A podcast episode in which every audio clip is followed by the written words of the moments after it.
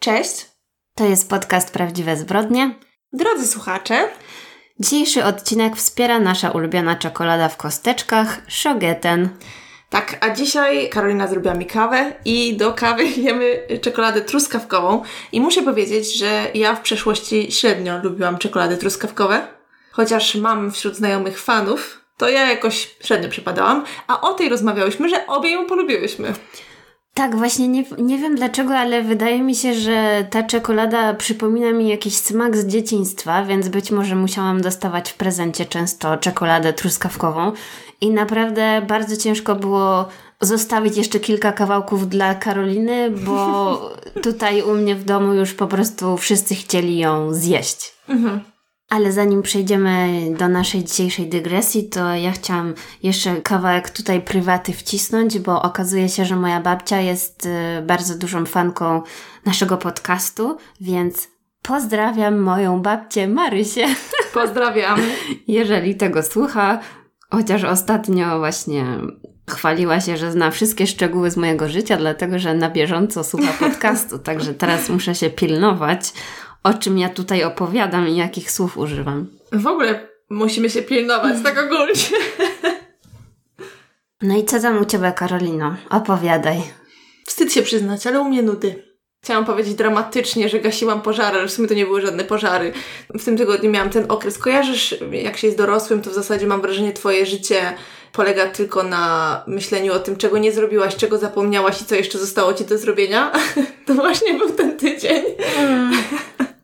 No, ja się staram tak o sobie nie myśleć, jako o osobie dorosłej, także y, te myśli staram się odganiać. A w sensie, że starasz się nie myśleć o tym, że jesteś dorosła? Tak. A, okej, okej. No nie, no właśnie w tym, w tym tygodniu dorosłość mnie jakoś dopadła i to nie, broń Boże, to są wszystko problemy pierwszego świata, także nie ma się co przejmować. Ale wiadomo, że jak się dużo rzeczy tak kumuluje, to wtedy człowiek chodzi spięty jak struna i warczy na wszystkich. W tym tygodniu jedyne, czym się zajmowałam poza pracą i sprawami z e, remontem, to nakładaniem olejków na twarz, masowaniem sobie buzi. Wiesz, to była moja rozrywka wieczorami, żeby się troszkę rozluźnić. Mhm. I ostatnio jedyne, czym się mogę pochwalić, to zrobiłam dziwne zakupy. I no tak jak pewnie wiele z Was y, używa wielorazowych toreb, jak idziecie do sklepu, albo wiem, że wielorazowe waciki są coraz bardziej popularne, ja w sumie też takich używam od dawna, no to postanowiłam pójść o krok dalej i zrezygnować z maszynek i kupić coś, co się nazywa wielorazową e, maszynką do golenia i to jest taka normalna maszynka, gdzie się wkłada żyletkę. Wygląda przerażająco i właśnie przyszła mi niedawno i do tej pory boję się jej użyć. To będziesz jak taki Goli Broda z tego filmu, jak to było Sweeney Todd. Tak, zakupiłam tą e, maszynkę, powiem Wam, że dobrą selekcję takich produktów ma sklep, nie wiem czy powinnam robić tutaj takie te, ale a co? E, Drogeria ekologiczna i tam miałam jakiś problem z e, odbiorem, coś pokićkałam, to też mi bardzo pomogli, także mogę polecić tą firmę. I właśnie tam zakupiłam taką różową, e, metaliczną, żeby mi nie było, em, w sensie, żeby mi było milej. Ale szczerze mówiąc, boję się jej trochę, więc jeżeli ktoś ma jakieś rady, jak zacząć używać takiej metalowej maszynki z ostrzem, takim z prawdziwą żyletką, to chętnie przyjmę, bo już przeczytałam instrukcję, ale nadal się boję. No ja przyznam, że trochę się spięłam już jak o tym zaczęłaś mówić, bo nie wyobrażam sobie, ale może, może to tylko jest w, naszych głowach. To znaczy nawet w tej instrukcji, wiesz, wspominają o tym, żeby zwracać uwagę na pewne rzeczy, bo są inne niż przy wielorazowych maszynkach, zwłaszcza takich, które gdzieś tam kręcą tą główką, prawda, i tak dalej. Więc no, jest to, jest to doświadczenie, przed którym się trochę stresuję, ale mam nadzieję, że następnym razem już będę po, to, Wam opowiem, bo na pewno nie, mo- nie możecie się doczekać. A jeżeli ktoś z Was używa takich ustrojstw, to chętnie posłucham, czy macie jakieś rady. A, no i jedyna rzecz, jaką oglądałam, to pierwszy odcinek dokumentu, który już wszyscy oglądali chyba na HBO. Też go oglądałaś, widzę po twojej minie. A jaki tytuł? Proszę, możesz przedstawić, bo ja nie pamiętam, jak się nazywa. Allen kontra Farrow, jakoś tak się to nazywa, nie? Tak, Allen kontra Farrow. Dokument na HBO teraz wychodzi co tydzień. No i co? Na pewno wiecie, że e, Woody Allen i Mia Farrow byli kiedyś parą i nawet wspólnie zaadoptowali dziecko, chyba jedno. Czy tam mieli w końcu wspólnie dwójkę? Tak, ale jedno było biologiczne, a jedno No, było no, no. zaadoptowane. Ostatecznie jakby do wiadomości publicznej doszło to, że Woody Allen jest w związku z adoptowaną córką Mi Farrow, tak? tak? Która jest od niego wiele, wiele, wiele lat młodsza. No i oczywiście poznali się, kiedy ona była dzieckiem, a on był jej ojczymem. Więc trochę creepy sytuacja. No a ten dokument opowiada bardziej o tym, jak on się zachowywał wcześniej i że tak naprawdę molestował też e, inne dziecko. Także dla mnie to było po pierwsze bardzo interesujące, a po drugie bardzo, bardzo, bardzo obrzydliwe do, do oglądania, więc polecam. Oglądało się to ohydnie, yy, znaczy ohydnie, ciężko. Dla mnie to jest niesamowite, jak, bo to nie jest sprawa, która się wydarzyła teraz. To mhm. jest sprawa, która trwa już tam, nie wiem, 20 czy ile lat. Wszyscy o tym wiedzą, a jakby w jaki sposób nikt nie powiedział mu, jesteś zboczeńcem mhm. i idź sobie stąd, tylko jeszcze wynoszą go na piedestał jako wspaniałego reżysera. Tak, on jest strasznie gloryfikowany przecież. I przyznam, że no ja bardzo lubię jego filmy. To znaczy ja bardzo lubię jego stare filmy, te takie klasyczne, te nowsze to różnie. Więc ja jak się tam wkręcałam w, w bycie no nie wiem, znawczynią filmów, czy jakby to powiedzieć, no to miałam swój oczywiście epizod Woody'ego Allena, gdzie codziennie oglądałam jakiś jego film z 65 mhm. czy coś tam i wtedy myślałam, że jestem taka fajna.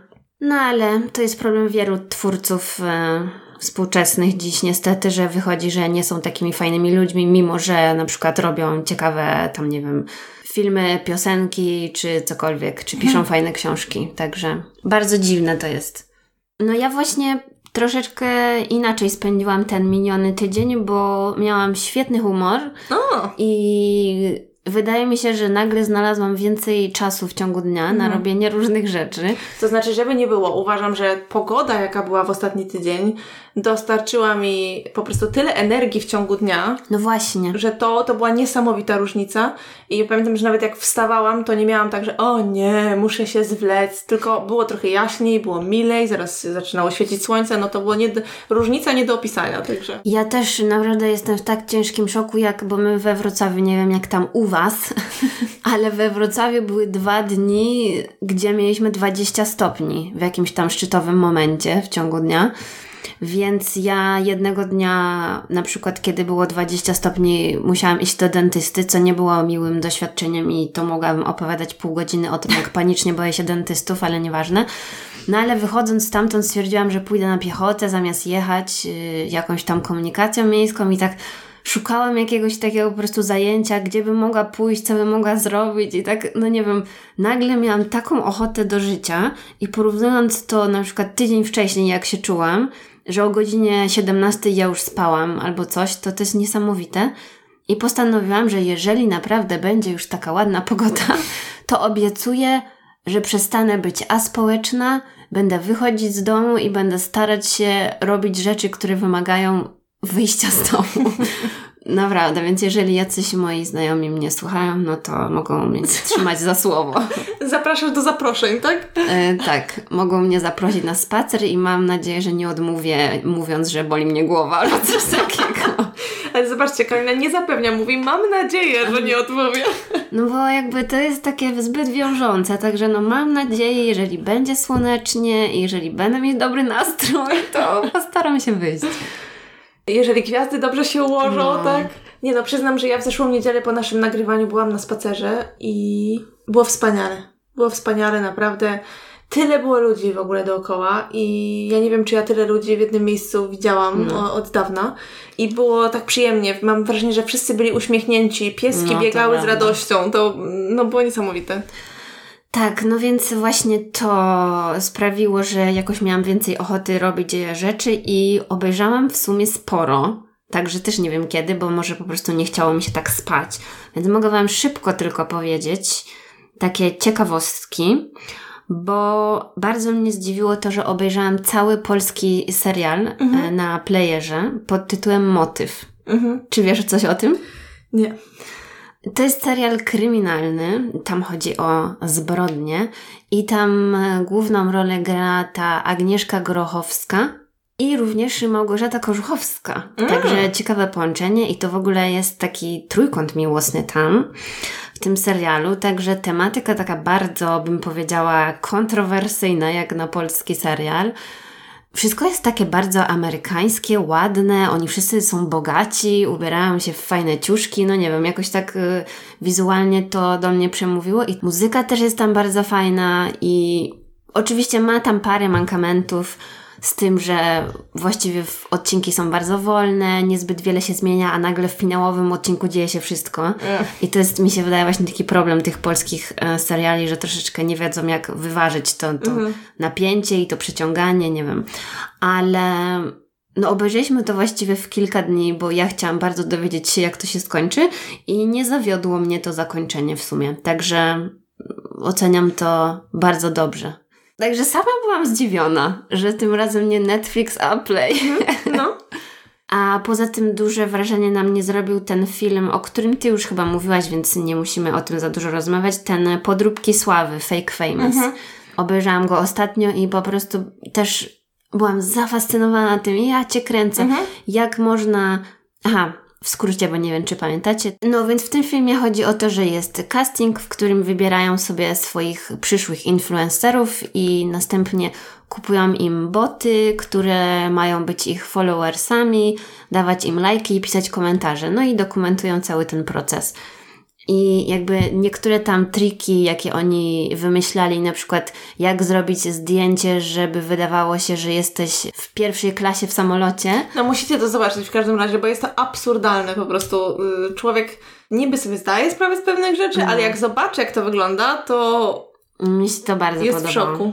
No i już moja ostatnia rekomendacja to film na Netflixie tym razem, dokumentalny również, bo jakby widać, że nie potrafię nic innego oglądać. Nazywa się Nabrani, prawdziwa historia o fałszywych obrazach. I mhm. właśnie to coś dla Ciebie. Tak, ja wiedziałam, że Ty polecałaś ten film na Instagramie i szczerze mówiąc ja znam tą historię, ale jeszcze nie zabrałam się do oglądania jakimś cudem, nie wiem dlaczego. Też fascynujący, no. po prostu wszystko jest fascynujące mhm. dla mnie, przez to, że chyba mam więcej energii, bo na przykład e, jeżeli myślicie, że to jest nudny temat, bo mój chłopak zrobił to samo, ja mówię, weź włączymy ten film, on jest coś tam o fałszywych e, obrazach. Jak może być nudnym fałszywym fałszowanie obrazów. A on tak patrzy na mnie i mówi, mm, aha, no nie wiem, średnio mi się chce to oglądać. A potem po prostu trzy minuty i tak się wciągnął i nie mogliśmy przestać gadać jakby w trakcie tego filmu, bo tam, no nie wiem, bardzo to jest ciekawe. Wszędzie tam, gdzie jest hajs, gdzie są sławni ludzie, jest interesująco. Tak i to się dzieje w Nowym Jorku. Jakby zaangażowani w to są sławni, znani, szanowani I nie ludzie. tak dawno temu przecież. No, także jeżeli jeszcze nie słyszeliście o tej sprawie, to bardzo polecam, bo właściwie no chodzi tutaj o miliardy dolarów, mhm. obrazy niesamowicie podrobione i ja szczerze powiedziawszy chciałabym poznać tego fałszerza i przybić mu piątkę. No, ajajaj, no nic, w każdym razie zachęciłaś Mega. mnie, może w końcu przysiądę i obejrzę, bo, bo tak jak mówię, słyszałam o tej, o tej historii, ale nie, nie oglądałam tego dokumentu. On jest na Netflixie. Aha. Mm. On no. jest dosyć nowy chyba, prawda? On w tamtym roku okay. wyszedł, ale mhm. Teraz jakoś jak mam podłączoną aplikację Netflixa na telewizorze, to po prostu była jakby taka migawka, mhm. że oni to zaczęli być może reklamować albo podsyłać mi przez algorytm, czy mhm, coś jakieś takiego. Jakieś podpowiedzi, no, no. No, mm, w każdym razie... No to byłaś aktywna w tym tygodniu. No właśnie mówię, jeszcze właściwie oglądałam więcej rzeczy, ale może sobie to zachowam na kolejny tydzień, jakby się okazało, że będę mieć spadek formy. No, ale to dobrze, dobrze, dostarczyłaś słuchaczom na pewno pomysłów na oglądanie. Ale Karolina, bo ty tak siedzisz cicho, a mhm. wiesz, co miałaś nam powiedzieć? Czy udało ci się poćwiczyć jogę na portalu Yoga Życia? Tak, tak, jak najbardziej. Natomiast niestety przez moje godziny pracy ja nie mogę nigdy dołączać do zajęć, więc bardzo mnie cieszył fakt, że potem dostaję się linki do nagrań. Więc muszę powiedzieć, że to mnie ratowało, bo inaczej nie byłabym w stanie tego robić, ale przyznam, że długość zajęć mnie trochę pokonała. Mimo to, że oczywiście e, oddychanie, odpoczywanie i tak dalej w międzyczasie, ale no 90 minut jakby siedzenia, czy też stania w zasadzie, albo leżenia, bo to są różne, to jest, to jest długo dla mnie, więc to jest chyba też nauka cierpliwości jakaś. Mm, no na pewno jest to też luksus, jeżeli ma się te półtorej godziny dla siebie. No ja mam i nie mam z tym problemu, żeby sobie włączyć i przez te półtorej godziny siedzieć na macie, ale jeżeli ktoś nie jest przyzwyczajony, to może faktycznie lepiej zacząć od krótszego mhm. jakiegoś tam wymiaru, bo trzeba się przyzwyczaić. Tak, tak, no właśnie przyznam, że dla mnie to był problem, to długo i to nie dlatego, że mi dziecko małe krzyczało w drugim pokoju, bo domyślam się, że młodzi rodzice na przykład muszą mieć przerąbane, bo weź tu znajdź 90 minut na y, wygi, wiesz, tam wygibasy na macie, no to jest chyba niemożliwe. No. Ale dzisiaj y, ma, mam jeszcze zajęcia, zostały mi z wczoraj rano, na które się zapisałam. Będę próbować, mam nadzieję, że tym razem będzie lepiej. No, albo też zawsze możesz sobie to na jakieś tury podzielić. No nie? właśnie, też tak pomyślałam, że może to nie jest takie głupie, że nie ma się co biczować. Ważne, żeby próbować i w końcu wyjdzie, no. No, no to jestem ciekawa, co dzisiaj dla nas przygotowałaś. Tak, dzisiaj ja zaczynam. Moją historię zaczynamy w styczniu 88 roku w małym miasteczku Alturas na Florydzie. A coś mi się, my się ostatnio uczepiły znowu tych Stanów, nie? Mm. No cóż. Duży kraj, dużo zbrodni. Mm. I tam właśnie mieszkało małżeństwo Peggy i Pi Carr. Mieszkali z czwórką dzieci. Ich dom położony był w takiej spokojnej okolicy. Niedaleko były jeziora, jakieś rancza, gaje owocowe, więc ogólnie takie malownicze pustkowie. I mieli tylko jednych sąsiadów, którzy mieszkali w domu obok, i to było państwo Trepal. Mieszkali tam George i Diana. Oni nie mieli dzieci. Hmm, pustkowie? Tylko jedni sąsiedzi? No. Mhm. I trochę było zgrzytów między tymi sąsiadami, bo z tego co rozumiem, to ci państwo Trepalowie mieszkali tam już od dawna, a ci państwo Kar wprowadzili się tam, no powiedzmy, na przestrzeni ostatniego roku. Więc tamci pewnie czuli się bardziej władcami tego terytorium, nie? jak psy. Już zaznaczyli teren. Tak. Przykład takiej niezgody między sąsiadami wyszedł w marcu 1988 roku, bo George Trepal złożył skargę do Komisji Zagospodarowania Przestrzennego, że ten jego sąsiad, Pi Carr, on chce przebudować garaż na mieszkanie. Mhm. No i oczywiście na to potrzebne są różne pozwolenia, których zapewne tamten nie miał, ale liczył na to, że mu to ujdzie na sucho. Ale niestety miał takiego miłego sąsiada, który to od razu zgłosił i no oczywiście oni mu zabronili robienia tej przebudowy, no i musiał ten paj zaprzestać yy, tego projektu. Następnie w lipcu 88 rodzina Karów dostała anonimowy list zaadresowany do właśnie Paja, tylko tutaj też była taka drobnostka, przekręcenie jego imienia, bo jego imię się pisze P-Y-E, ale czyta się to jako pie, co też oznacza ciasto mhm. po angielsku, ale to się pisze inaczej, więc ktoś to zaadresował do ciasta. W sensie, wiesz, napisał, napisał imię jako ciasto, bo chciał być tak. złośliwy, czyli P-I-E, kar. No i w tym anonimie było napisane ty i twoja tak zwana rodzina macie dwa tygodnie na wyprowadzenie się z Florydy na zawsze, albo wszyscy umrzecie. To nie są żarty. Tam, tam, tam. Hmm. Oczywiście nikt sobie nic z tego listu nie zrobił, bo myśleli, że to jakiś prank nastolatków. Jednak e, matka Peggy, ona trochę się bała, więc powiedziała swoim dzieciom, żeby uważały na siebie i tak dalej. W październiku 88 znowu doszło do awantury między sąsiadami, ale tym razem pani Diana, ona wdała się w ostrą kłótnię z Peggy. Kobiety nie miały w zwyczaju ze sobą rozmawiać, bo zazwyczaj wszyscy tam szanowali swoją prywatność i nie byli zbyt takimi przyjacielskimi sąsiadami, ale tym razem Diana zaczepiła Peggy, a właściwie rzuciła się na nią z gębą, mówiąc, że jej dzieci zbyt głośno słuchają radia na dworze i żeby je uciszyła.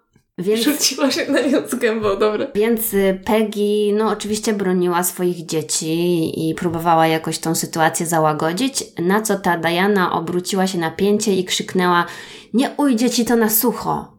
Z powodu słuchania radia? No mhm. to też mieli powód.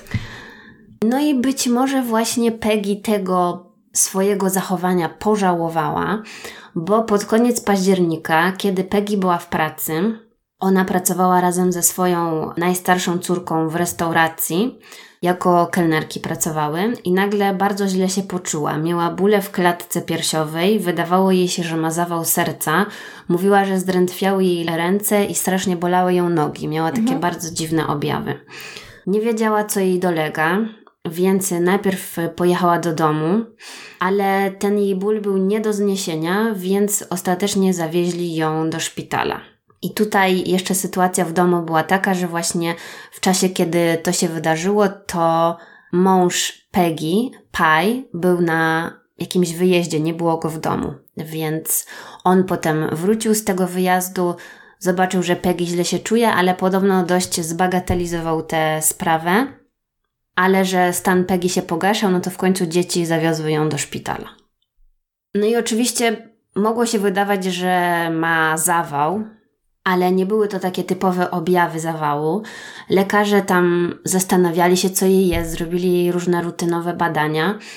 Mówili, że może są to objawy psychosomatyczne, że może coś jest nie tak z nią, ale no ona tak tam cierpiała, zwijała się z bólu, że zatrzymali ją na parę dni na obserwację. Zatrucie? Cicho. I po tych trzech dniach jej stan się unormował, więc e, wróciła do domu, no ale wciąż nie czuła się najlepiej. A w domu niespodzianka. Nagle cała rodzina zaczyna się źle czuć. Syn Dwayne i Travis również e, mieli podobne objawy. Mówili, że mają mrowienie w palcach, rozstrój żołądka i takie uczucie właśnie pieczenia, palenia w całym ciele. Mhm. No i właśnie będąc w domu, Peggy objawy pogorszyły się już e, totalnie, więc tym razem zadzwonili po karetkę i karetka przewiozła ją do szpitala. E, synowie również trafili pod obserwację do szpitala. Więc znowu w tym szpitalu zastanawiali się, co jej może być. Nikt nie mógł wymyślić, co takiego mogło jej się wydarzyć. I przyszedł jakiś lekarz, żeby z nią porozmawiać, i wtedy, jak ona leżała na łóżku, coś tam się ruszała, to on zobaczył, że jej włosy zostały na poduszce, że włosy zaczęły jej wypadać. I. Ale tak, żeby jej na poduszce zostały? O mój Boże. O. Tak. Przynajmniej według y, dramatycznego odgrywania tej sceny w programie Forensic Files. Tak było. Mój ulubiony program. Tak podobno lekarz zauważył, że wypadają jej włosy, czego wcześniej nie widzieli. No i tak główkował i połączył te wszystkie fakty i doszedł do wniosku, że wszystkie te jej objawy mogą być spowodowane zatruciem przez substancję tal. Mhm. Więc tal to taka bezsmakowa, bezwonna substancja chemiczna z rodziny aluminium, i odkryto tal w roku 1861 i pierwotnie stosowano go w medycynie na przykład do leczenia kiły rzeżączki, czerwonki, dny moczanowej. Także coś tam dobrego też ta substancja mogła zrobić, ale dopiero z czasem zorientowano się, że ma toksyczne efekty uboczne, czyli właśnie kurczenie nerwów i obumieranie mięśni. To poważne efekty. Tak. I przez to właśnie, że jest bezsmakowy, bezwonny, to jest idealną trucizną, jak się potem okazało w kolejnych latach. Więc w XX wieku tal używano głównie jako środek do zabijania przykład karaluchów albo szczurów, bo działał skutecznie.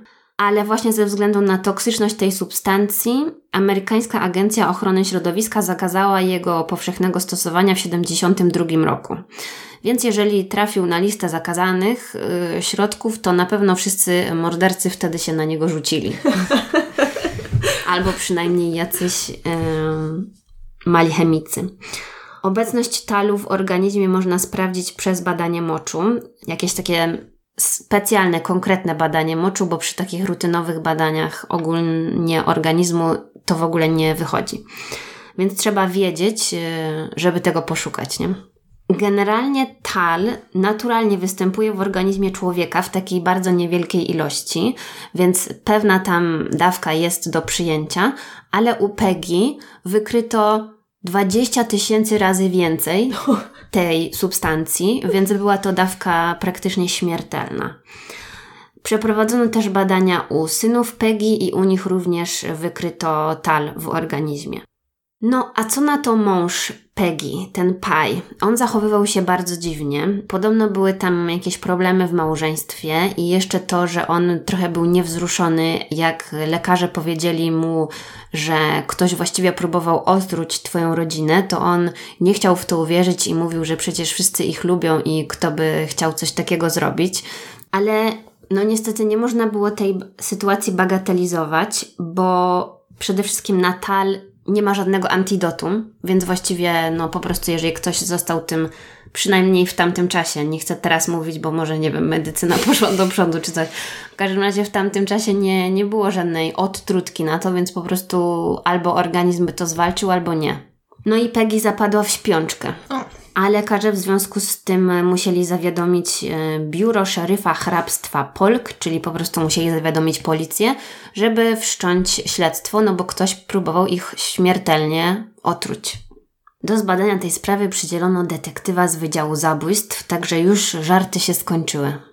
No i jak zwykle pierwszym podejrzanym stał się mąż Paj, właśnie ze względu na jego takie dziwne zachowanie.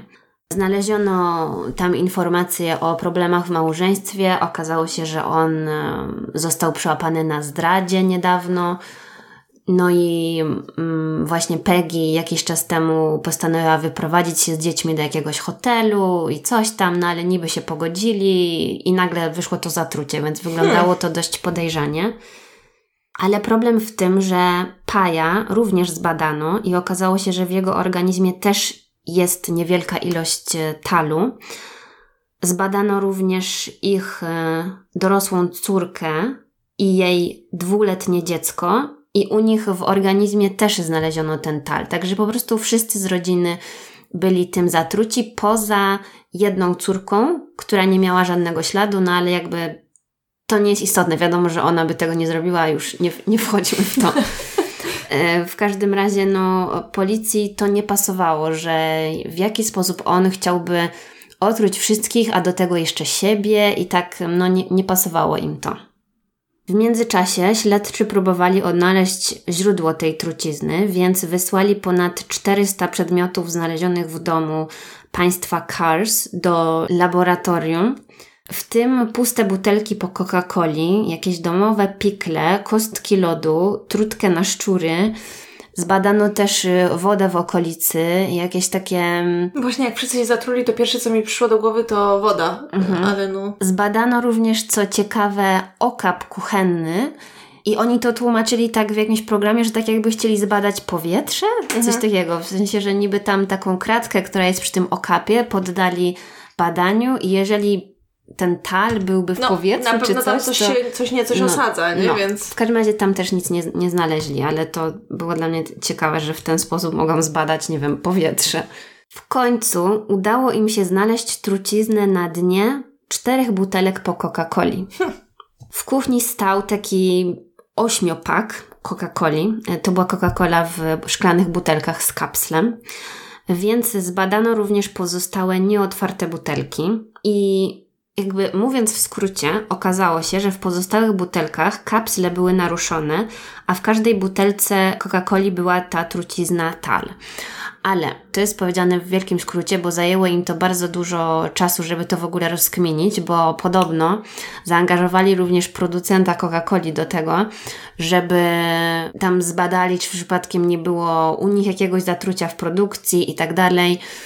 I FBI dopiero pod jakimś takim, nie wiem, super, hiper mikroskopem byli w stanie zobaczyć na tych kapslach mikro ślady, że one były odczepione i potem, że ktoś je z powrotem zaczepił na te butelki.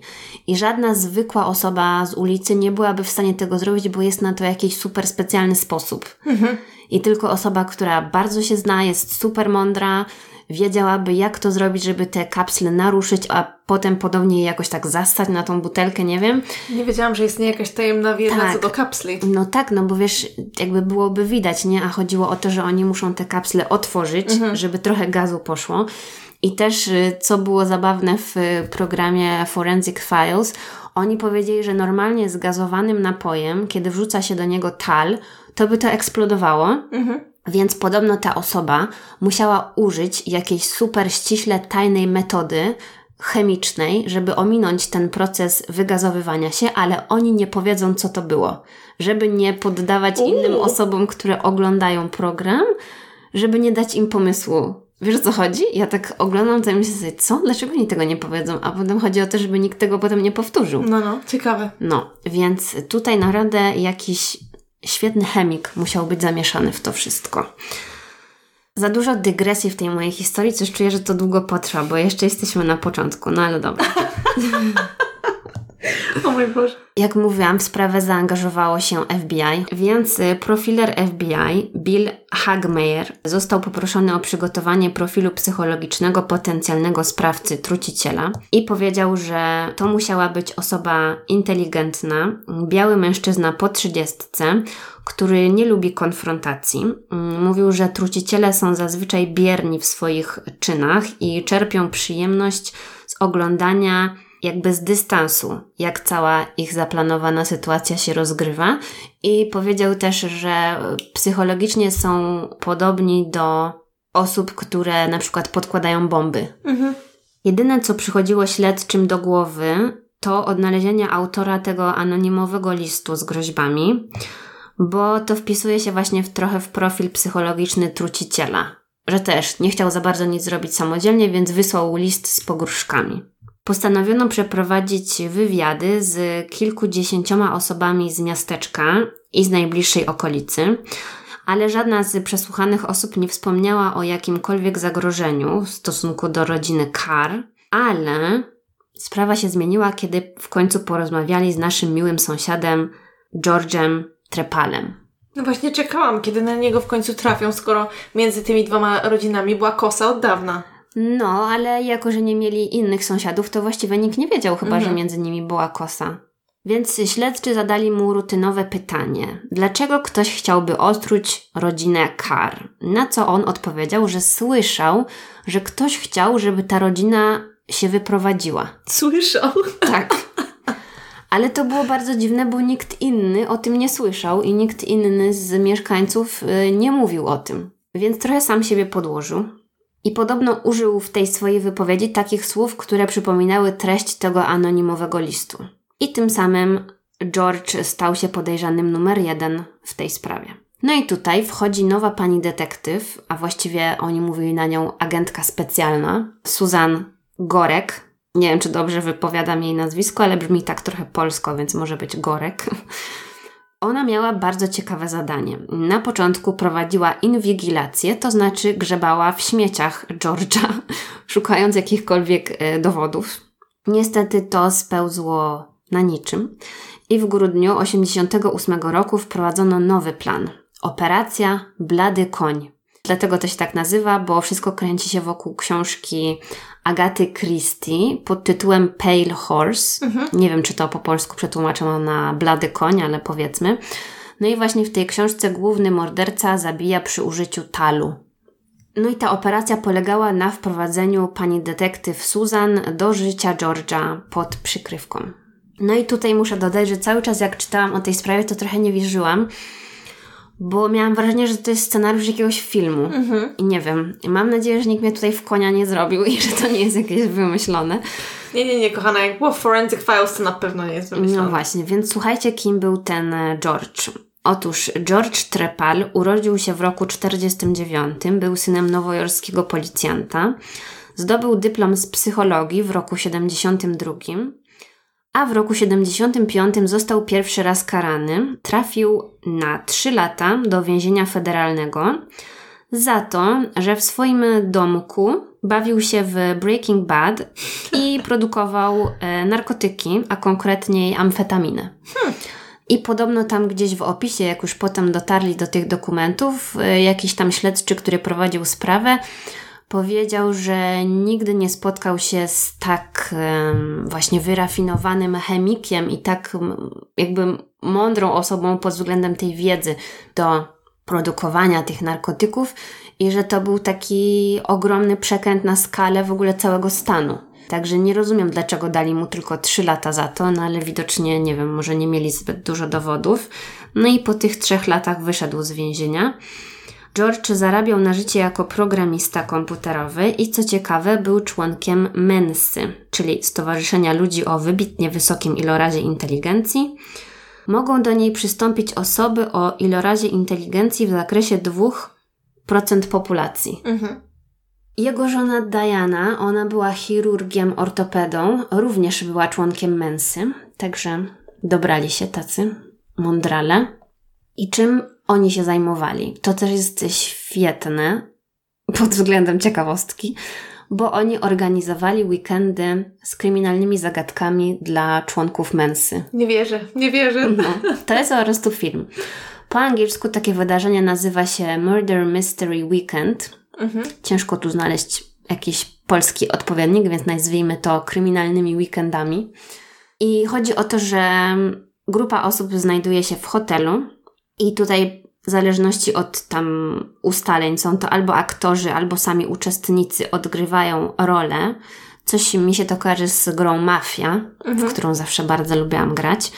Więc y, dzieje się tam jakieś na przykład morderstwo, wszyscy dostają wcześniej scenariusz, no i wszyscy mają za zadanie rozwiązać taką kryminalną zagadkę. To wydarzenie było tylko na zaproszenie, a George, jako że był organizatorem, to szczycił się tym, że studiował policyjne procedury, wiedział jak obchodzić się na miejscu zbrodni i inne tego typu rzeczy, także. Oj, George, George, George no właśnie uważał siebie za, za eksperta w tym temacie. Ale śledztwo musiało zmienić swój bieg i trochę przyspieszyć, bo w marcu 89 roku Peggy niestety zmarła w szpitalu.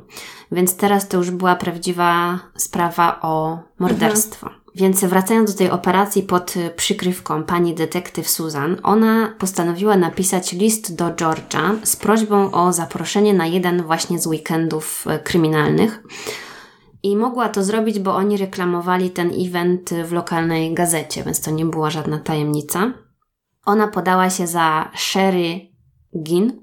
Mówiła, że jest nowa w okolicy i że szuka jakiegoś intelektualnego wyzwania. George odpowiedział jej, wysłał jej formularz zgłoszeniowy i zaproszenie na najbliższy weekend. I w ogóle to jest kolejna komedia, bo scenariusz y, tego weekendowego wydarzenia, na którym ona miała być, opierał się właśnie na, na tym, że ktoś otrzymał list z pogróżkami i następnie osoba, która ten list y, otrzymała, została otruta. George chyba nie był jednak taki sprytny, coś mi się wydaje. No, no nie wiem, może myślał po prostu, że jest w zaufanym e, środowisku intelektualistów i że nikt go nie, nie wysypie. Więc 14 kwietnia doszło do ich pierwszego spotkania i ta pani detektyw była zdziwiona. Mówiła, że spotkała małego, brodatego mężczyznę, który unikał kontaktu wzrokowego i wydawał się jąkać ze zdenerwowania. Także trochę nie pasował, ale z drugiej strony właśnie może. To tak może być, że pasował albo nie pasował. E, nie, chodzi mi o to, że nikt by nie powiedział, że jest typowym mordercą, a z drugiej strony pasował do tego profilu właśnie osoby, która trzyma dystans i, mhm. i coś tam. Ona oczywiście wiedziała, jak się zachować, żeby zdobyć jego zaufanie i nawet się zakumplowali. Po pierwszym weekendzie spotykali się regularnie. George zaprosił ją nawet do siebie do domu. Oczywiście ciężko było tak w rozmowie wtrącić, że otruł sąsiadów, więc tego się nie dowiedziała od niego, ale między innymi na przykład w domu znalazła książkę właśnie Agaty Christie pod tytułem Biały koń. Więc wiadomo było, że na pewno ją przeczytali. To biały czy blady? A, sorry. blady. W tej ich relacji detektyw Susan zauważyła takie drobne szczegóły świadczące o tym, że George może mieć taką lekką osobowość psychopaty. Na przykład dlatego, że ona wymyśliła taką swoją historyjkę, że rozwodzi się z mężem.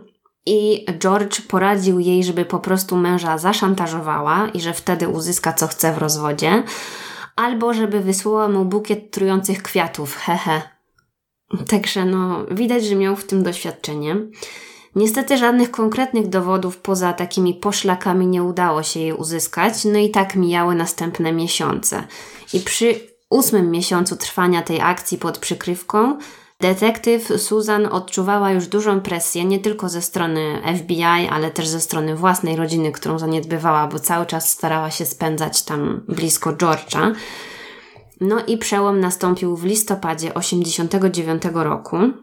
Z powodu pracy żony George'a oni postanowili przeprowadzić się do innego domu w sąsiedniej miejscowości i chcieli swój dom wynająć.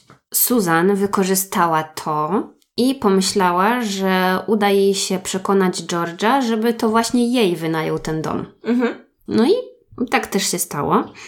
Będąc w tym domu, ona miała nadzieję, że uda jej się znaleźć y, jakiś już konkretny dowód, no bo w dalszym ciągu prywatne rzeczy George'a i jego żony dalej w tym domu były. Mhm. No tak, skoro się przyjaźnili, no to. Więc ona wprowadziła się do tego domu w grudniu, a razem z nią od razu wbił zespół techników FBI i zaczęli przeczesywać po prostu każdy milimetr tego domu w poszukiwaniu jakiegokolwiek drobnego dowodu. Ja się zawsze zastanawiam, jak są takie rzeczy w sprawach właśnie, że się tak przeszukuje, czy pokój, czy mieszkanie, czy dom, ogród, cokolwiek. Zawsze się zastanawiam, kto jest odpowiedzialny za organizację tego wszystkiego. To trzeba mieć chyba taki łeb, żeby... No na pewno, wiesz, jakiś tam półgłówków do FBI No właśnie, nie przyjmują. Ja ledwo jestem w stanie swój poranek zaplanować, a co dopiero... Więc oni przeszukali, zbadali dosłownie, no jak mówię, każdy milimetr, każdą rzecz, no i na ten moment nic nie udało im się odnaleźć. W styczniu 90 roku nie mieli już żadnych pomysłów, więc Susan wymyśliła, że jeszcze raz spotka się z George'em i po prostu powie mu, że szukała go policja, że pukali do drzwi tego domu i powie mu, że jest podejrzany w sprawie o to zatrucie sąsiadki. Pod koniec stycznia 90 roku Susan zadzwoniła do George'a i powiedziała mu, że musi mu coś ważnego powiedzieć i żeby się spotkali. Więc umówili się w McDonaldzie. Mm. Susan miała przy sobie mikrofon. Oczywiście w samochodzie zaparkowanym przed McDonaldem siedzieli agenci i podsłuchiwali i nagrywali całą rozmowę. Susan powiedziała mu, że właśnie do jego domu przyszło dwóch detektywów i że opowiedzieli jej o całej sprawie z sąsiadką. Na co George powiedział: A tak, no faktycznie, ktoś tam został otruty. Ale Susan pokazała mu wizytówkę tych detektywów FBI, więc on wtedy trochę się przeraził, zmienił swoje nastawienie. Był wtedy już zdenerwowany i niemiły. Powiedział Susan, żeby była cicho, czy coś takiego, a nigdy wcześniej się tak y, w stosunku do niej nie zachowywał. Zastanawiał się na głos y, i tak mówił jakby do siebie i do niej, że ma nadzieję, że nie jest głównym podejrzanym, bo jeśli tak, no to będzie bałagan. Coś takiego powiedział. To ma więcej ludzi do otrucia. No.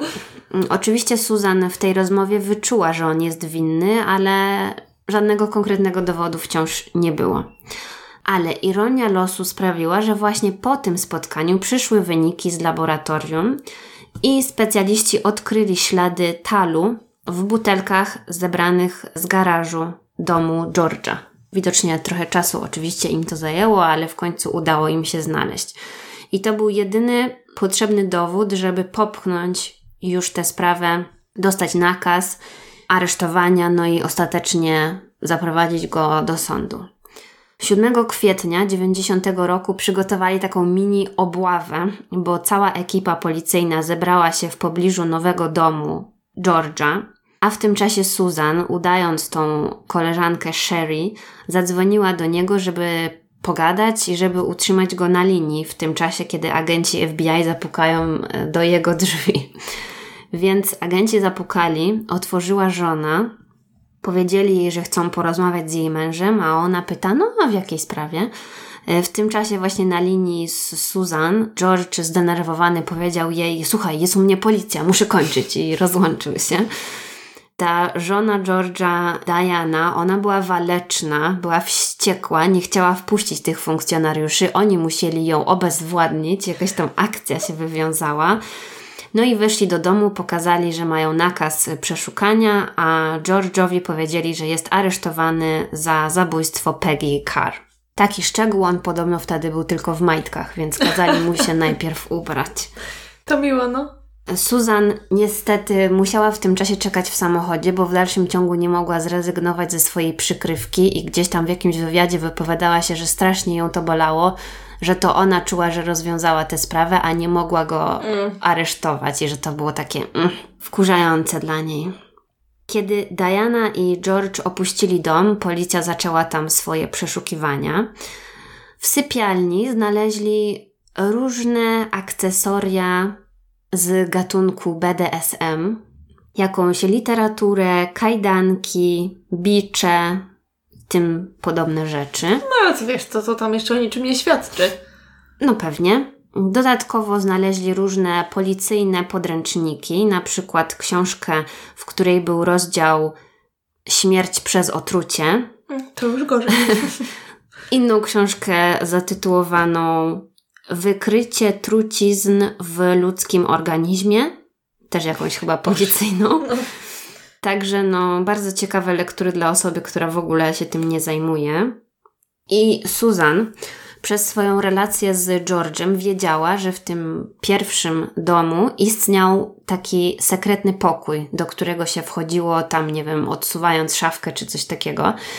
Więc ona była przekonana, że w tym drugim domu też taki sekretny pokój musi być. No ale na pierwszy rzut oka ta ekipa nie była w stanie tego znaleźć, ale ona była pewna, więc tam ich cisnęła, że szukajcie, szukajcie. Więc oni wymacali każdą ścianę, aż w końcu udało im się taki sekretny pokój znaleźć. Ale zastanawiam się, czy George i jego żona szukali ogłoszeń domów tylko z sekretnym pokojem, czy oni robili pełen remont zanim się E, Myślę, wprowadzili? że byli w stanie to zrobić samodzielnie. Jeżeli on był w stanie, wiesz, wykombinować, jak wsadzić truciznę do Coca-Coli, to myślę, że mógł sobie sam to zrobić.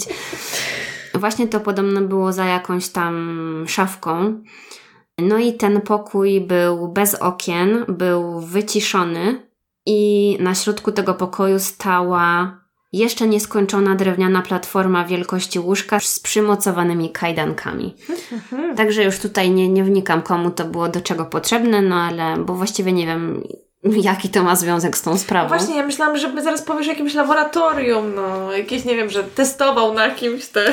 Chyba głównie chodzi o to, żeby nakreślić, że mieli takie różne nietypowe zainteresowania. Okej. Udało się doprowadzić do procesu, y, który rozpoczął się w styczniu 91 roku, więc ta sprawa już praktycznie ciągnęła się 3 lata. Pani detektyw Susan Gorek zeznawała jako świadek w tym procesie, a kiedy żona Diana zobaczyła ją w ogóle w sądzie, no bo cały czas, Tak. nie, wiesz, nie wiedzieli, że to jest e, detektyw, to zaczęła do niej krzyczeć coś tam w stylu, że mam nadzieję, że wiesz, jaką jesteś suką i tak dalej. Więc ta, no, Diana miała swój temperament. Obrona oczywiście mówiła, że dowody w tej sprawie są poszlakowe, bo takie też były. Mhm. Nie było tutaj żadnych twardych dowodów. Obrona też próbowała zwalić winę na przykład na żonę George'a, także bardzo miło, no bo oni mówili, że równie dobrze tak samo Diana mogłaby być za tą całą sprawę winna, nie tylko George i tak dalej. Jednak udało się ławę przysięgłych przekonać.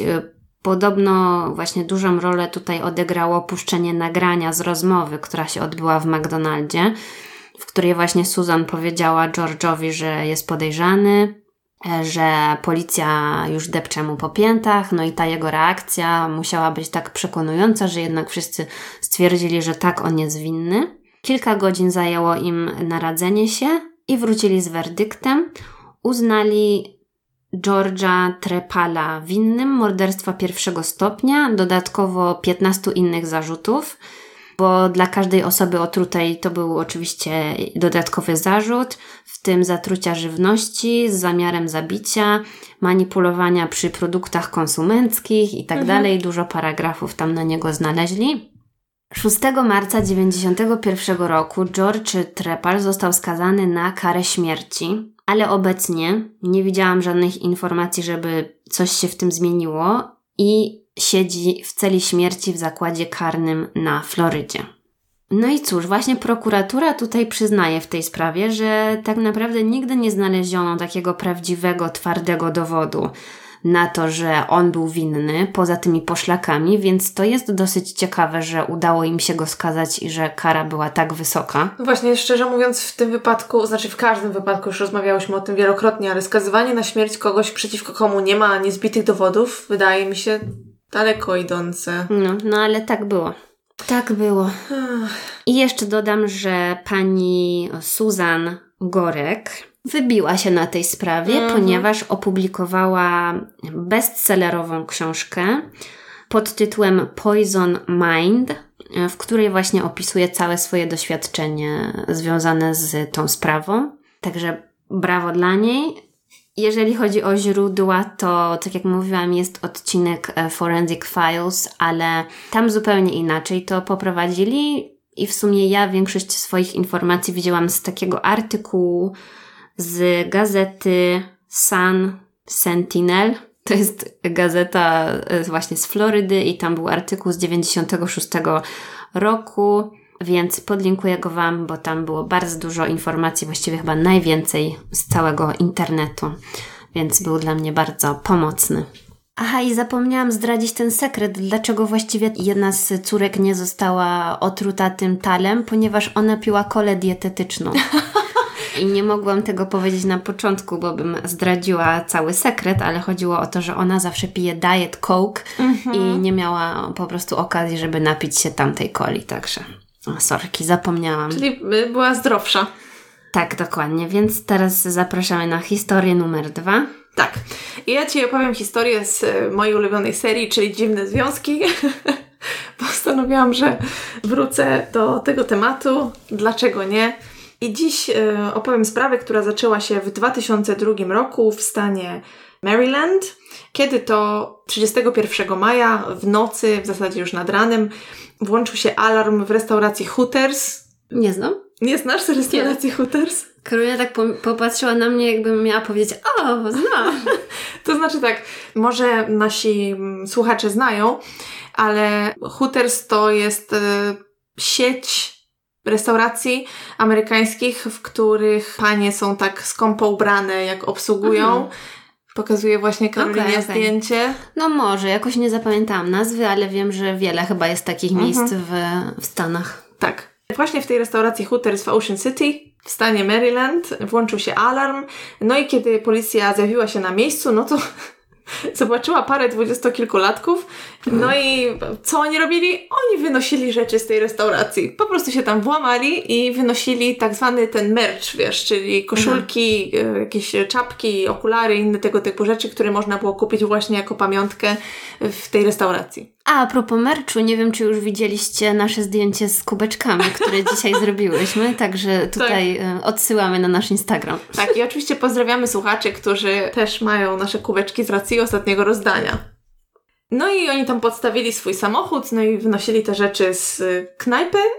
Tych rzeczy było ponoć naprawdę sporo. I jak wynikało z jednego ze źródeł, mężczyzna, Benjamin, bo to była para, to było małżeństwo Erika i Benjamin Sifrit, oni się chyba nazywali, Ponoć Benjamin był tak e, pijany, że zapytał, e, czy też no po prostu pod wpływem może narkotyków czy alkoholu i zapytał e, policjanta, czy jak wszystko odłożą, to, to będzie okej, okay, to nie będzie sprawy. Ale w sumie no co, pytanie logiczne Prawda? dosyć. Pytanie jak pytanie, Jakby, tak. No jaka sprawa? To w jednym z programów, które widziałam na temat tej sprawy właśnie wspominali, jakiś policjant wspominał, że ten, ten Benjamin czy też BJ Właśnie, właśnie takie pytanie zadał. No może masz rację, może to było normalne pytanie, które każdy by zadał w takiej sytuacji. No może oni chcieli tylko pożyczyć i zaraz oddać, no. Tak, no i e, oczywiście policja zaczęła przeszukiwać ich rzeczy, patrzeć, co oni tam mają przy sobie, zatrzymali ich, wiadomo. No i okazało się, że oni są uzbrojeni po zęby w zasadzie, bo Erika miała przy sobie broń, Benjamin miał przy sobie broń, e, mieli jeszcze jakiś nóż. Zaczęli też e, przeszukiwać torebkę i w tej torebce znaleźli dokumenty i to były dowody dwóch osób, które nie należały do Eriki i Benjamina. I te dowody należały do Joshua Forda i Ginny Crutchley. To od razu zaalarmowało policjantów, dlatego że doskonale kojarzyli twarze tych ludzi z plakatów osób zaginionych. O! Mhm, tak. No i poza tym, po to, żeby zabrać kilka koszulek z knajpy, potrzebne ci są, wiesz, trzy pistolety, nóż i nie wiadomo co jeszcze, no średnio, prawda? No i kiedy, kiedy zobaczyli te dowody, no to też zaczęli tam przeszukiwać samochód i w samochodzie znaleźli maski, takie wiesz, kominiarki jakby i kajdanki plastikowe. Mhm. No to już podejrzanie się robi. Tak. Policja pomyślała, że może w takim wypadku oni przetrzymują te osoby, które były właśnie na plakatach, te, te osoby zaginione, jo Joshua i Ginny. I teraz kim była w ogóle ta czwórka? Y, jeżeli chodzi o osoby zaginione, czyli Ginny i Josha, oni przyjechali na weekend do Ocean City no żeby tam się poopalać, poplażować sobie, poimprezować, odpocząć. Oni byli parą, poznali się na jakiejś tam imprezie, bardzo dobrze sobie radzili w życiu, mieszkali razem. Była między nimi dosyć spora różnica wieku, dlatego że ona miała 51 lat, on miał 32 lata w tamtym momencie. Oboje mieli już jakąś tam przeszłość ze sobą, byli rozwodnikami, ale jakby byli do siebie bardzo podobni i bardzo się sobie spodobali i po dwóch latach właśnie bycia razem zamieszkali razem w stanie Virginia.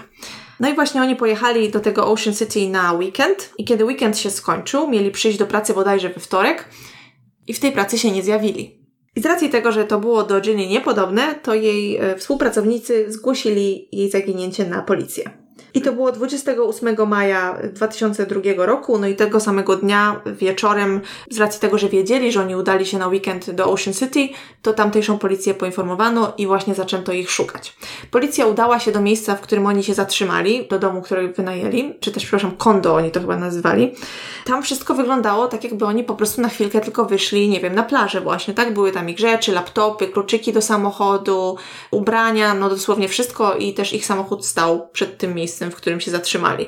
Wszystko wyglądało w porządku, no ale wiadomo, było to dosyć tajemnicze, że y, ludzie w hotelu mówili, że nie widzieli ich od kilku dni, nikt nic podejrzanego nie słyszał. Kiedy policja zaczęła y, przepytywać i próbowali odtworzyć wydarzenia z dnia, kiedy po raz ostatni widziano Josha i jego partnerkę, no to okazało się, bo oni to rzeczywiście sprawdzili ich wyciągi, i okazało się, że oni płacili za drinki w jednym z popularnych barów sportowych właśnie w tamtym mieście. Porozmawiali z obsługą w tym barze, rzeczywiście pamiętali ich, ponoć Josh oglądał mecz, a następnie wsiedli do autobusu, który miał ich zawieźć do klubu i o tym dowiedzieli się już od kierowcy tego autobusu, że właśnie on wysadził ich pod popularnym klubem, który nazywał się Secret. No i w autobusie poznali jeszcze inną parę. A przynajmniej tak zapamiętał to okay. kierowca. Tak. Kim zatem byli nasi włamywacze, czyli Erika i Benjamin? Erika pochodziła z bogatej rodziny, była zawsze świetną uczennicą, była bardzo zdolna, jeśli chodzi o grę w kosza. Była gwiazdą drużyny w liceum. Ojciec ponoć nawet wybudował jej własną salę gimnastyczną, żeby mogła sobie rzuty ćwiczyć. I w którymś z programów, już nie pamiętam, w którym wspomnieli, że ona miała taką zasadę, że dopóki nie strzeliła tam 10 razy pod rząd za 3 punkty, nie strzeliła, rzuciła, przepraszam, to nie przyszła tam na obiad czy na kolację do domu. Ale to była zasada, którą wymyślili jej rodzice, czy ona sama sobie? Ona chyba sama sobie coś takiego narzuciła, Aha, aczkolwiek. Taki reżim. Tak, aczkolwiek z tego co rozumiem, jej ojciec bardzo wspierał jej karierę sportową. No i ona poznała Benjamina w barze, na jakimś spotkaniu z koleżanką. Oni oboje mieli wtedy tam około 20 lat i po trzech tygodniach postanowili wziąć ślub. Okay. Tak. Erika wtedy była studentką, a Benjamin też był bardzo wysportowany, był świetnym pływakiem i on zaciągnął się do wojska, dokładnie do Navy Seal i tak mu świetnie tam szło, że dostał się do jakiejś tam jednostki specjalnej i coś tam, coś tam. E, no, w każdym razie. Dobra partia. Tak. W każdym razie jak wynikało właśnie z jednego z programów, które widziałam, ona chyba średnio sobie radziła z rozstaniami, bo on z racji swojej pracy wyjeżdżał często. Nawet raz było tak, że ona pojechała do niego, chociaż oczywiście to było zabronione i wyrzucili ją stamtąd, jak się zorientowali jego przełożeni, że ona przesiaduje u niego w pokoju, a on miał z tego powodu jakieś tam nieprzyjemności.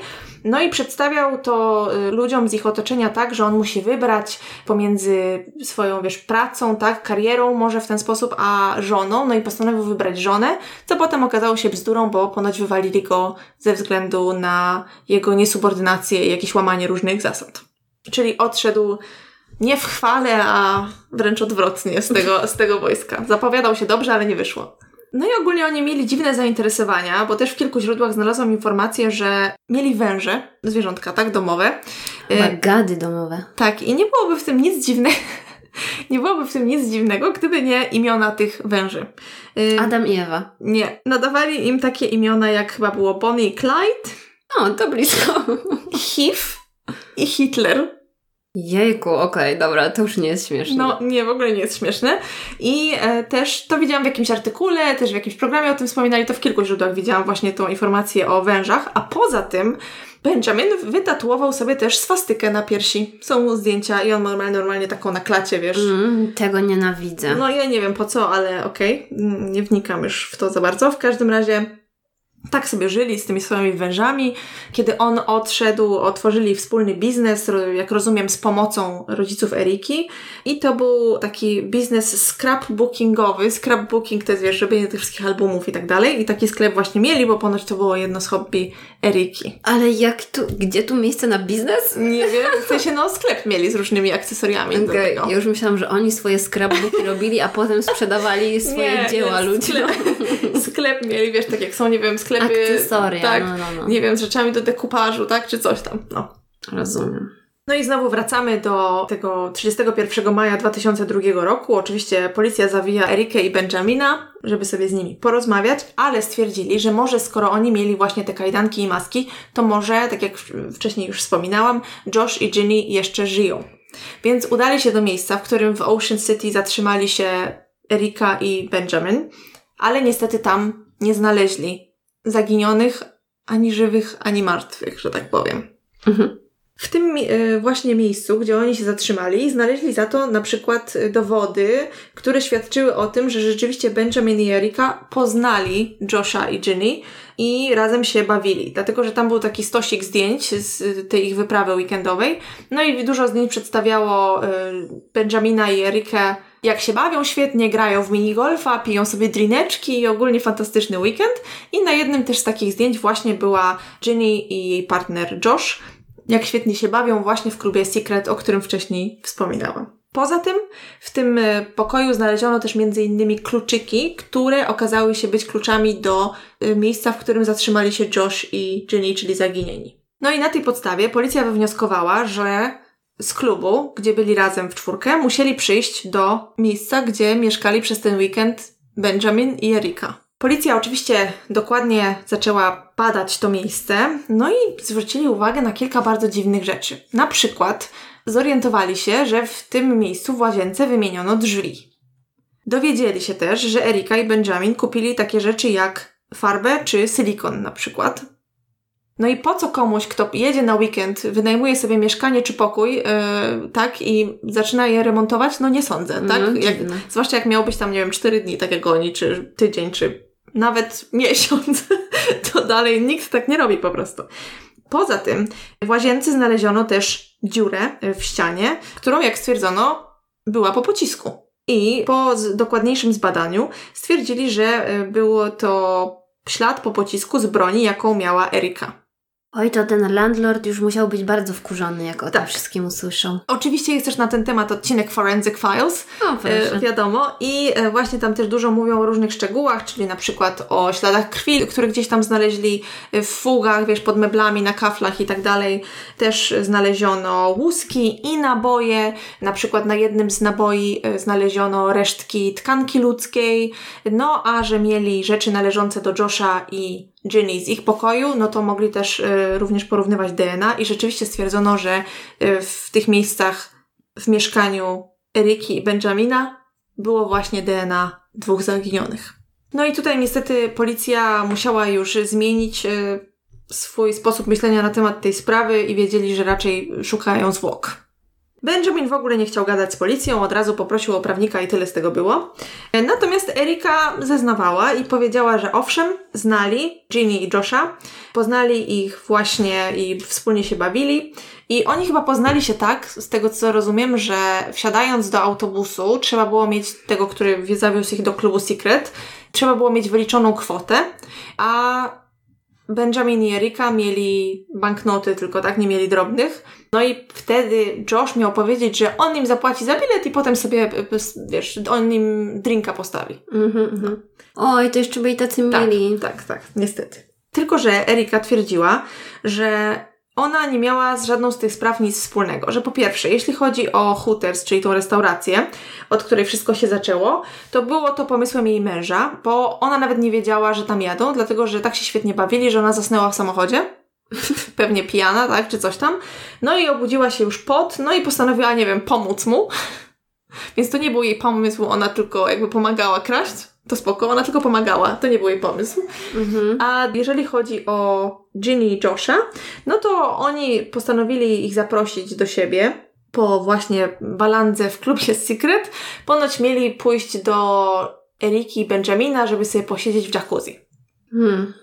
Ja w sumie mam takie podejrzenia, czy tam oni nie brali dużej ilości narkotyków, bo tak to wszystko brzmi. No właśnie, ponieważ e, gdy policja badała miejsce, w którym na weekend zatrzymali się Erika i Benjamin, znaleźli tam ślady kokainy. Zresztą, jak wynikało z zeznań, oni mieli pójść do nich, żeby sobie posiedzieć w jacuzzi i yy, palić jointy. Mhm, no, no, no. Tak. No i kiedy bawili się w mieszkaniu Eriki i Benjamina, to wszystko szło świetnie do czasu, kiedy, jak twierdziła Erika, zniknęła jej torebka z jakąś drogą biżuterią w środku. No i gdy to zauważyła, zadzwoniła na policję, no i rozpętało się piekło, dlatego że Benjamin zaczął krzyczeć do Josha i Ginny, że mają oddawać te rzeczy. Oni mówili, że w ogóle nie wiedzą o co chodzi. To kazał im się Benjamin rozebrać, grożąc im bronią. No to oni się rozebrali, ale udało im się uciec do łazienki i Josh zatrzasnął siebie i swoją partnerkę w łazience. No i chyba próbowali uciec, bo też policja znalazła odcisk dłoni na szybie w łazience, w oknie. A wtedy Benjamin zaczął strzelać przez zamknięte drzwi. Mhm. Strzelił bodajże dwukrotnie, otworzył drzwi, dobił Josha, a następnie zajął się Ginny. Mm. Czyli kompletnie bez sensu to wszystko było. Tak. I Erika oczywiście jedyne co zrobiła to poz... Oczywiście tutaj mówię jedyne w cudzysłowie. Jedyne co zrobiła to pomogła mężowi pozbyć się ciał. A tak, ale jeszcze dziwne jest to, że mówiłaś, że ona zadzwoniła na policję. Tak, i jest, jest to nagranie. I ona mówi w tym nagraniu, y, że zniknęła jej torebka i że właśnie mają jakiś tam gości, jakby rzeczywiście coś takiego miało miejsce. No to policja Tak. właściwie tutaj zawiniła, że nie, nie wiem, nie przyjechali czy, czy coś, Tak. było jakiejś interwencji. Wspominali o tym właśnie w jednym z programów, chyba w jakimś artykule też z tego co pamiętam, że musiał być niezły syf tamtego wieczoru, nocy w zasadzie na posterunku, na który ona zadzwoniła, bo nikogo nie wysłano. Mhm, no to fajnie. Tak. Poza tym, no wiesz, może, znaczy ja tego nie tłumaczę, broń Boże, ale może zepchnęli to na dalszy, no, jakiś, wiesz, na, nie był to priorytet dla policji, bo może działy się gorsze rzeczy w tamtym miejscu, aczkolwiek też słyszałam wypowiedzi ludzi, którzy mówili, że to było bardzo spokojne miejsce i tam takie cyrki nie miały, wiesz, racji bytu zazwyczaj. No zależy, co ona wtedy mówiła. No i jeżeli na przykład połączyliby to z czymś, że jakiś sąsiad zadzwonił i powiedział właśnie słyszałem strzały Mhm. W sąsiednim mieszkaniu, no to to by było już dziwne. No właśnie, chyba niczego takiego nie było i też zwrócono gdzieś tam uwagę, że ona mówiła to wszystko bardzo spokojnie. Mhm. No i wszystko pięknie, no ale dalej nie ma żadnych twardych dowodów, nie ma ciał, tak? Więc Erika po- postanowiła dogadać się z policją i powiedziała: Dobra, ja wam pomogę, bardzo chętnie powiem wam, gdzie są ciała, ale umawiamy się tak, że wy mnie nie oskarżycie o nic. No sprytnie. Tak. No i oni się zgodzili, ale dali jej jeden warunek, i tym warunkiem był test wykrywaczem kłamstw, poligrafem. Erika wyznała policji, że pozbyli się ciał, wyrzucając je do śmietnika, wskazała co i jak. No i też w międzyczasie z rozmów z nią wyniknęło, że te ciała zostały rozczłonkowane. Oni pozbyli się ich w częściach. I miała tam opisać, że w jakiejś tam torbie wyrzucili kończyny, w jakiejś tam torbie tors. No także makabryczne. I dzięki zeznaniom Eryki rzeczywiście policja odnalazła na wysypisku śmieci fragmenty zwłok ofiar. Z tego co rozumiem, nie odnaleźli całego ciała Ginny, więc nie byli w stanie stwierdzić, w jaki sposób ona zginęła. No bo nie było czego badać, że tak powiem. Jakkolwiek strasznie to brzmi. Natomiast e, znaleziono tors Josha i tam były ślady po kulach, czyli to by się zgadzało z tym, co mówiła Erika. No i wtedy przeszło już do dalszych przesłuchań, tak, do jakichś tam testów y, w związku z tym testem wykrywaczym kłamstw. I Erika wtedy nagle zaczęła opowiadać, wiesz, język jej się zupełnie rozwiązał i wyszło na to, że ona wcale nie stała z boku, bo też policja w ogóle znalazła na tych zdjęciach, o których wcześniej wspominałam, z tego jak Erika i Benjamin świetnie się bawili przez ten cały weekend, policja zauważyła, że na jednym ze zdjęć, na którym był e, Josh, widać, że on nosił pierścionek. A potem na innych zdjęciach, na których była Erika, widać, że ona ten sam pierścionek nosi na łańcuszku na szyi. Hmm. Dziwne. Już po zabójstwie. Więc tak jakby sobie wzięła, nie wiem, czy to jakiś suwenir był? Co to było? Wiesz, Aha, jakby aha. o, o co chodzi? Że to był pierścionek ofiary, tak? Tak, tak, tak, tak. Bo właśnie policja doszła do tego, że to było coś, co on nosił po prostu na co dzień, a potem nagle znalazło się to na szyi Eriki. Podczas y, tych przesłuchań wyszło też, że Erika brała czynny udział w, właśnie jakby w tym morderstwie i na przykład to ona miała dźgnąć Ginny. Mhm. I w jednym z programów, chyba to było Forensic Files właśnie, powiedzieli, że Erika przyznała się, że zrobiła sobie tatuaż w tym samym miejscu, w które dźgnęła Ginny. Żeby, nie wiem, zapamiętać to, co zrobiła. Ojejku, to już jest przesada. Ale co, to też tak szybko się działo, tak? Następnego dnia poszła zrobić tatuaż? To było kilka dni, bo oni przez kilka dni sprzątali, A, okej. nie? Także mieli, poza tym w międzyczasie mieli też czas chodzić i grać w minigolfa po tym, co zrobili. Boże. Ale to jeszcze nie jest koniec. I oczywiście podczas przesłuchań, podczas y, prowadzenia śledztwa okazało się, że Benjamin i Erika ogólnie potrzebowali jakichś dużych emocji w życiu, dlatego że oni na kilka miesięcy przed tym morderstwem zaczęli na przykład właśnie parać się kradzieżami i y, to było ich nowe hobby. Ponoć Benjamin właśnie kochał ryzyko, bardzo go to podniecało i też z tego co pamiętam sprzedawali różne rzeczy na eBayu. A, a ta restauracja Hooters to była fascynacja Eriki ponoć, że to ona y, bardzo lubiła rzeczy stamtąd. No więc y, ta umowa, na jaką dogadała się Erika z policją, no absolutnie nie mogła mieć miejsca, tak? Nie mogli ją oczyścić z jakiegokolwiek zarzutu, bo to, co mówiła wcześniej, było po prostu nieprawdą. No i policja doszła do tego, że prawdopodobnie Erika mogła zadzwonić na policję jako przykrywka. Czyli, że na przykład doszło do morderstwa, zro- zrobili krzywdę Joshowi i Ginny, no a żeby jakoś na wszelki wypadek mieć wymówkę, jakby zaraz im tam wpadła policja, bo ktoś usłyszał strzały, no to przynajmniej byłaby jakaś historia, tak? Że oni przyszli, okradli, nie wiem, cokolwiek. Erika też ponoć podczas jednego z przesłuchań przyznała się, że gdy rozczłonkowywała Ginny, ona mogła jeszcze żyć. Że nie jest pewna, czy ona nie żyła już, jak zaczęli ją ciąć na kawałki. Mm. A kiedy czyściła łazienkę, tak, i przynosiła jakieś tam szmaty, nie wiem, żeby krew ścierać czy cokolwiek, to Benjamin miał siedzieć w jacuzzi z głowami zamordowanych. Nie. Tak powiedzieli Forensic Files. Nie wiem, czy to jest O prawda, bo Boże. nigdzie indziej nie znalazłam tej informacji, ale coś takiego powiedzieli. To to brzmi jak jakiś ty, też krzywy film. Tak, no to brzmi po prostu, no nie wyobrażam sobie w ogóle czegoś takiego. Jeśli chodzi o przebieg wydarzeń tamtego wieczoru, no to tak jak mówiłam, wyszła jakaś awantura z, związana z kradzieżą torebki, ale w jednym ze źródeł mówili, że to miała być taka gra wymyślona przez Benjamina i Erykę, czyli ona zaczyna mówić, ajajaj, zniknęła moja torebka z biżuterią, na co prosi gości, żeby pomogli jej szukać tej torebki i były dwa wyjścia. Jak znajdą, to, to żyją, to mogą iść do domu, a A. jak nie znajdą, to stają się ich ofiarami. No Okej, czyli taka, taka gra, no Tak. rozumiem. Później, kiedy sprawa trafiła do sądu, bo Benjamin i Erika byli sądzeni osobno, no oczywiście zaczęli na siebie nagadywać nawzajem, wiadomo, zrzucać na siebie winę. Ale problem był taki, że wszystkie dowody, takie jak to, z czyjej broni strzelano, kto miał przy sobie łuski, kto miał przy sobie dowody ofiar, wszystko to było na Erykę, bo to ona miała przy sobie, to z jej broni zastrzelono i tak dalej. Więc ona tutaj dostała najbardziej, dlatego że ona została skazana za oba te zabójstwa.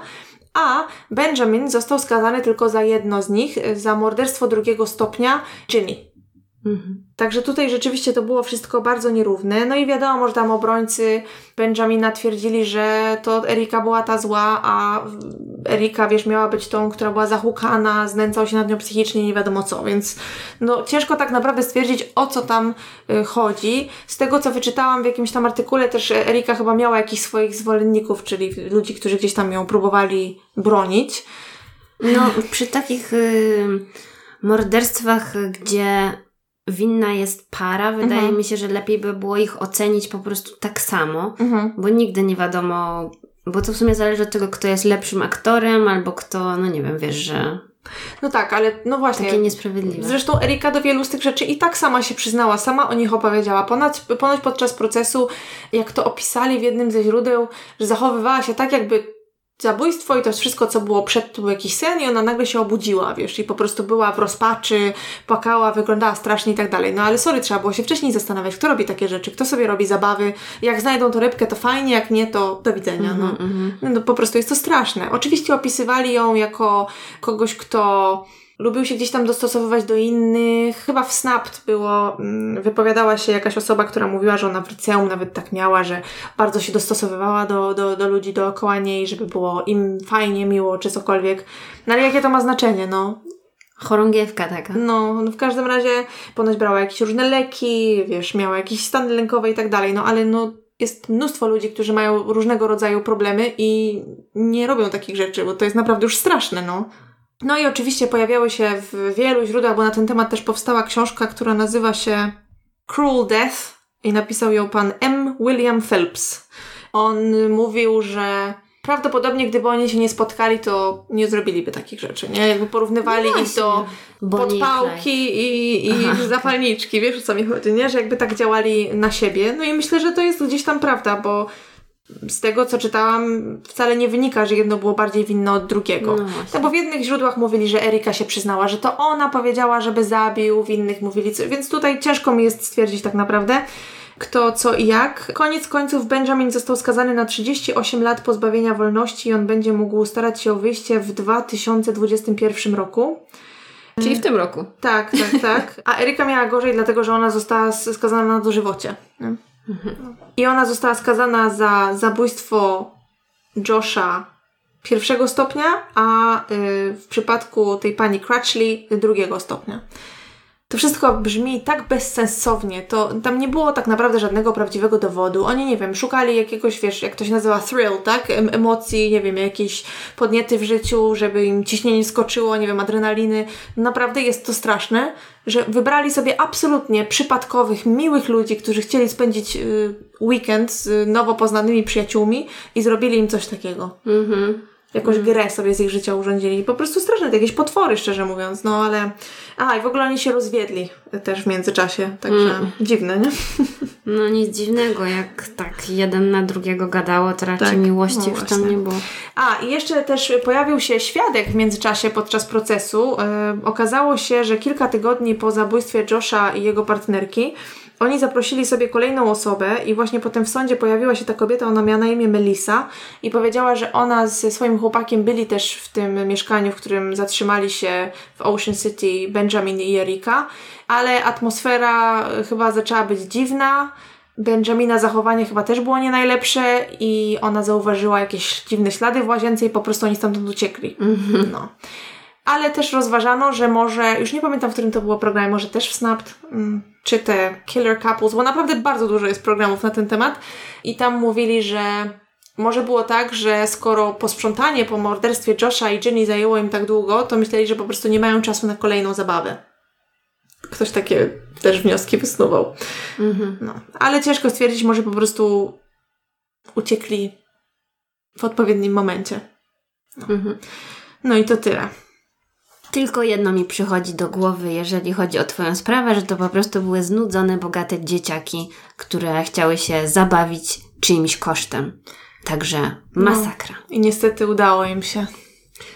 Także dziękujemy. To wszystko... A, jeszcze jedna rzecz chciałam powiedzieć. Sorry. Bo przyznam, że tą sprawę miałam na liście od jakiegoś czasu, wiecie, trzeba, trzeba mieć listę na wszelki wypadek, bo nie zawsze w tygodniu znajdziecie inspiracja. I jak zaczęłam szukać informacji na ten temat, to się okazało, że jest ten podcast, o którym ty wspominałaś, amerykański ostatnio, Morbid, tak? No, no. One mają odcinek na ten temat, ale nawet go nie dotykałam, bo się bałam, że się będę sugerować. Ale widziałam, że był krótszy, bo patrzyłam na listę ich odcinków i on był chyba krótszy niż większość, więc nie wiem dlaczego. Aha. Może ale ktoś... ogólnie hmm? jak ja patrzyłam na ich tematy, to one chyba mają taki sam gust jak my, bo wszystkie sprawy są takie w naszym stylu, więc ja się trochę też boję słuchać, hmm. żeby po prostu nie, nie ten, nie wyszło, że one już wszystkie ciekawe sprawy obrobiły, bo naprawdę, co nie posłucham, to jest takie, o, dziwne, że o tym nie słyszałam. No w każdym razie, dziękujemy za słuchanie nas dzisiaj. Ja przyznam, że miałam jakiś bardzo dziwny humor i plączący się język, także mam nadzieję, że coś z tej mojej historii wyszło. Zaraziłam Cię dzisiaj, no. No.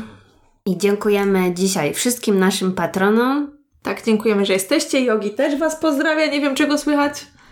I do usłyszenia za tydzień. Do usłyszenia.